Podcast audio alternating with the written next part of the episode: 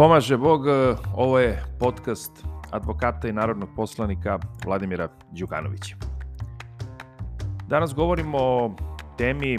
u kojoj ste se, ne daj Bože, možda nekada i našli, ili ćete se opet, ne daj Bože, nekada naći, možda ćete ponoviti, kako god, ali u svakom slučaju ona može svakoga da pogodi, može svakome da se dogodi, i jednostavno trebalo bi znati neka osnovna prava vezana za ovu tematiku, a ona se zove razvod braka. Razvod braka inače definisan je porodičnim zakonom i može se dogoditi, odnosno razvod braka se može dogoditi na dva načina. Može sporazumom, može tužbom za razvod braka. No prethodno, pre nego što uopšte definišemo uh, ova dva pojma, kako možete da uh, prosto se rastanete od vašeg supružnika, uh, ja uvek i kada mi dođe neko, inače ovo je jedna od oblasti koju zaista ne volim da radim i redko kad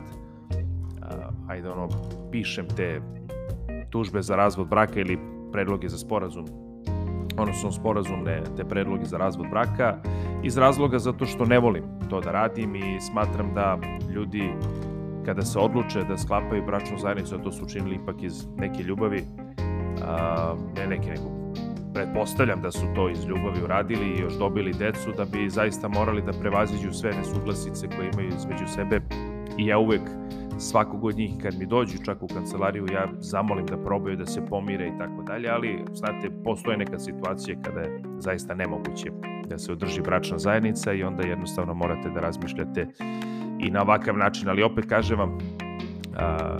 s obzirom da nažalost u Srbiji, ali to je neki trend i u Evropi, u svuda, posebno potrošačkim društvima gde smo postali pomalo i egoisti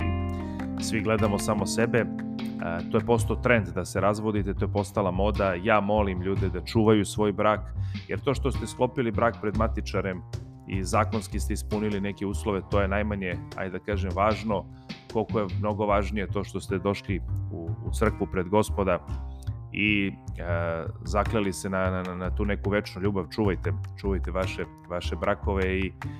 jednostavno nemojte dozvoliti da posebno vaša deca trpe zbog vaše neke sebičnosti. No, evo u ovoj u ovoj, ovom podcastu zapravo govorit ćemo o situacijama kako možete da razvedete brak. Već smo rekli, znači postoje dva načina. Jedan je kada se podnese sporazum o razvodu i to je nekako uvek bolje, manje bolno kada sami supružnici ovaj, podnesu i usaglase se da naprave sporazum o razvodu braka a druga situacija je tužba i ona najčešće dolazi kada gotovo ne postoji mogućnost da se niš, ni oko čega dogovori, onda tužbom ih razvodi sam sud i to zaista neka zna da bude mučno na tim, na tim ovaj,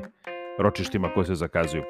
Sporazum o razvodu braka je definisan je članom 40 porodičnog e, zakona i kaže se u prvom stavu da supružnici imaju pravo na razvod braka ako zaključe pismeni sporazum o razvodu, Sporazum o razvodu obavezno sadrži i pismeni sporazum o vršenju roditeljskog prava i pismeni sporazum o deobi zajedničke imovine. To ćete najčešće onda sa Centrom za socijalni rad da utvrđujete kako ćete da se starate o detetu,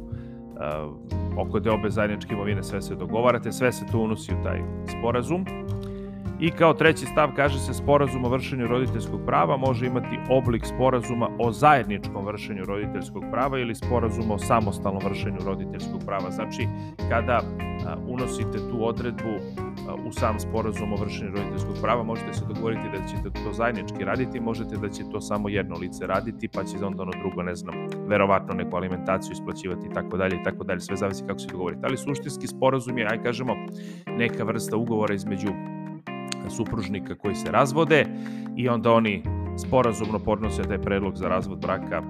a, ovaj, i sve prethodno sa Centrom za socijalni rad najčešće a, ugovaraju i takav sporazum se onda podnosi sudu, sud to prihvata, dolazi do razvoda braka i na osnovu tog sporazuma kasnije morate da se pridržavate svega toga kako bi kako bi ovaj zaista sve teklo onako kako ste se i dogovorili. Mnogo gora je situacija kada podnosite tužbu, ona je definisana bukvalno samo jednim članom, članom 41 e, porodičnog zakona. To je situacija kada ne možete da se dogovorite e, sporazumno oko razvoda i onda idete tužba, svaki supružnik ima pravo na razvod braka ako su bračni odnosi ozbiljno i trajno poremećeni ili ako se objektivno ne može ostvariti zajednica života supružnika i tada se onda podnosi tužba za razvod braka i kako se zove razvod onda se zapravo razvod onda se događa po osnovu po osnovu same same tužbe. Naravno vi ćete onda u tužbi sve navesti ono najgore što eto ste doživljavali u braku, e, s tim što morate da znate da onaj ko tuži, jer ona strana koja se odluči da tuži, to mora i da na neki način dokaže, uvek je teret dokazivanja na onome ko tuži, tako da ako kažete, ne znam, da ste preživljavali porodično nasilje, vi morate da imate i konkretne dokaze da ste preživljavali porodično nasilje, ili recimo ako kažete da psihičku torturu trpite, morate to i da dokažete. Da,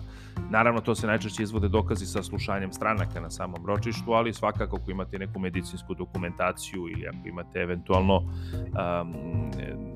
neke, ne daj Bože, ako ste išli u policiju da prijavljate da vas supružnik maltretira i tako dalje i tako dalje i ako on ima neku zabranu i sve se to onda navodi kao dokazni materijal u tužbi za razvod braka i onda po tome kasnije će, naravno i na osnovu mišljenja koje će sud dobiti od Centra za socijalni rad, doći do, do, samog, do samog razvoda braka. A, nadam se da je to, da vam je ovo bilo neke koristi, Ja se nadam da se nećete razvoditi, naprotiv ovaj podcast i ovo što se sada iznosio je pre svega upereno ka tome da očuvate vaše brakove, ali eto kažem vam ovo su dve mogućnosti koje postoje i kada vi eto dolazite kod nas advokata da vam to pišemo međutim moje je da vam eto uvek posavetujem da probate da nađete zajednički jezik i da to bude u vašem interesu i da nikada ne dođe do, do razvoda braka. Svako dobro od gospoda, čujemo se u nekom novom podcastu.